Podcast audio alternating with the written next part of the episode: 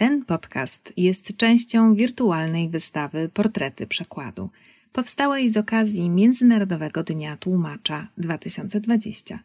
Wystawa dostępna jest online pod adresem dzieńtłumacza.pl.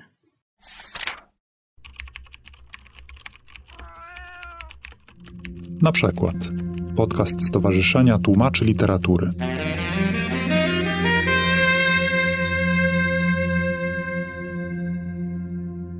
Fragment książki Herdin Verschoor Dziewczyna i uczony. In die meer dan veertig naoorlogse jaren, waarin Caroline de tweede helft van haar leven leefde, die jaren waarin ze afscheid moest nemen van haar oude dromen en zichzelf er een nieuwe leven W czasie tych ponad 40 powojennych lat, na które przypada druga część życia Karoliny, tych lat, kiedy musiała pożegnać się z dawnymi marzeniami, przydzielając sobie w zamian nową życiową misję. Kiedy stłumione zostały powstanie węgierskie, praska wiosna i polska solidarność. Kiedy Karolina kończyła 65, 80, 95 lat. Przez cały ten okres dziewczyna i uczony stali blisko siebie w nieprzeniknionych ciemnościach bankowej skrytki, czekając na nowe czasy. Niekiedy przestraszył ich ktoś, kto zapalał światło, dokonywał pomiarów i notował liczby w zeszycie. Bardzo rzadko z wizytą pojawiała się sama Karolina. Zgodnie z jej wskazówkami, Rembrandty, podobnie jak szereg innych obrazów, w 1980 roku pokryto warstewką wosku i oklejono papierem ryżowym, aby chronić je przed upływem czasu. Nie było jednak nikogo, kto by na nie patrzył, nikogo, kto by je podziwiał, kto by o nich mówił, przychodził dotknąć palcami farby, kto mógłby się w nich zakochać. Dla świata zewnętrznego przestały istnieć.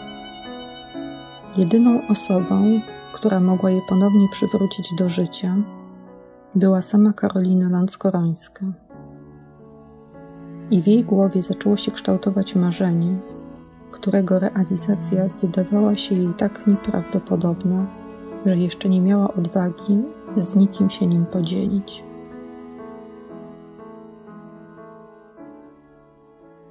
Nazywam się Alicja Oczko i jestem tłumaczką literatury niderlandzkiej. Książka, nad którą w tej chwili pracuję, to pozycja z gatunku literatury faktu, zatytułowana Het meisje en de czyli Dziewczyna i uczony. Tytuł jest na razie tytułem roboczym. Książka nie ma jeszcze polskiego wydawcy, ale poszukiwania trwają i mam nadzieję, że publikacja na polskim rynku prędzej czy później dojdzie do skutku. Dziewczyna i uczony przedstawia losy dwóch obrazów Rembrandta, które znajdują się na Zamku Królewskim w Warszawie. Są to dwa z trzech Rembrandtów, którymi możemy się w Polsce poszczycić. Ich historia jest nierozerwalnie spleciona z biografią Karoliny Landskorońskiej. Mowa tu o dziewczynie w ramię obrazu oraz o uczonym przy pulpicie.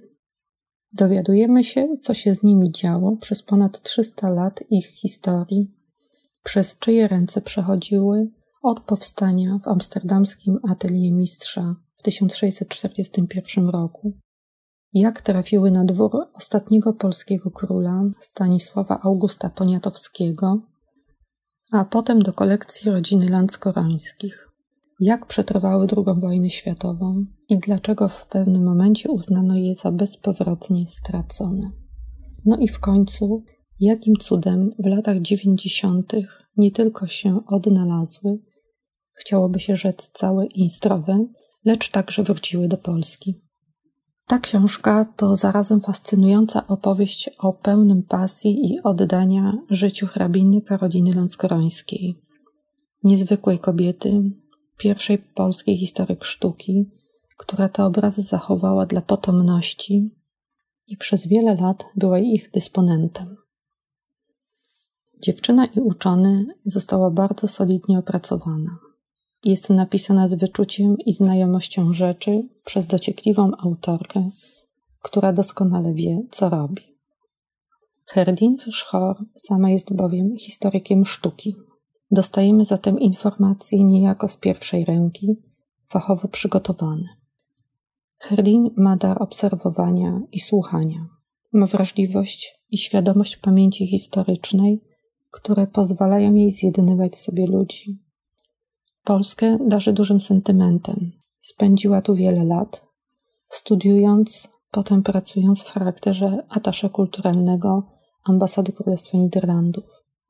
Do dziś regularnie Polskę odwiedza. Historia życia Karoliny Landskorońskiej, związana z opisywanymi Rembrandtami, od dawna ją fascynowała. Dziewczyna i uczony to trzecia książka w pisawskim dorobku Herdin. Aby ta książka mogła powstać i przybrać obecną postać, autorka wykonała tytaniczną pracę, która zajęła kilka lat. Odwiedziła wszystkie opisywane przez siebie miejsca. Zjeździła pół Europy śladami Karoliny i jej obrazów. Od Amsterdamu przez Wiedeń, Lwów i Rozdół, po Rzym i Warszawę. Rozmawiała z historykami i historykami sztuki, z konserwatorami dzieł sztuki, kustoszami muzeów, archiwistami. Czerpała ze spuścizny Karoliny Landskorońskiej. W ramach kwerendy przeczytała dziesiątki, jeśli nie setki książek. Przejrzała tomy dokumentów. Zgromadziła pokaźną ilość danych na temat obu obrazów oraz życia Karoliny.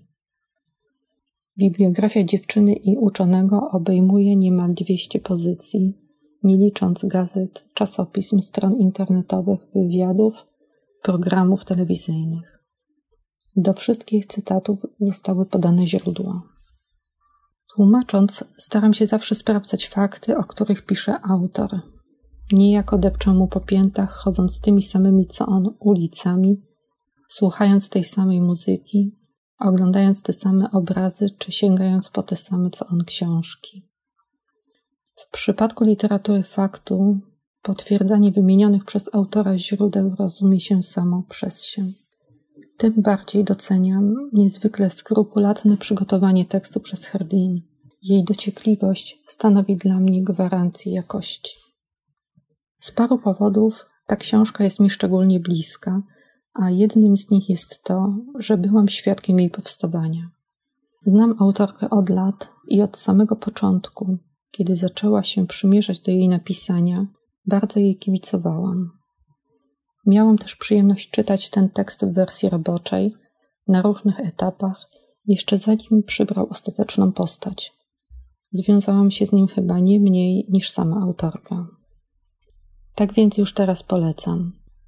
Herlin Verschoor, Dziewczyna i uczony. Kronika dwóch obrazów Rembrandta, które uznano za zaginione. Wysłuchali Państwo na przykład podcastu Stowarzyszenia Tłumaczy Literatury.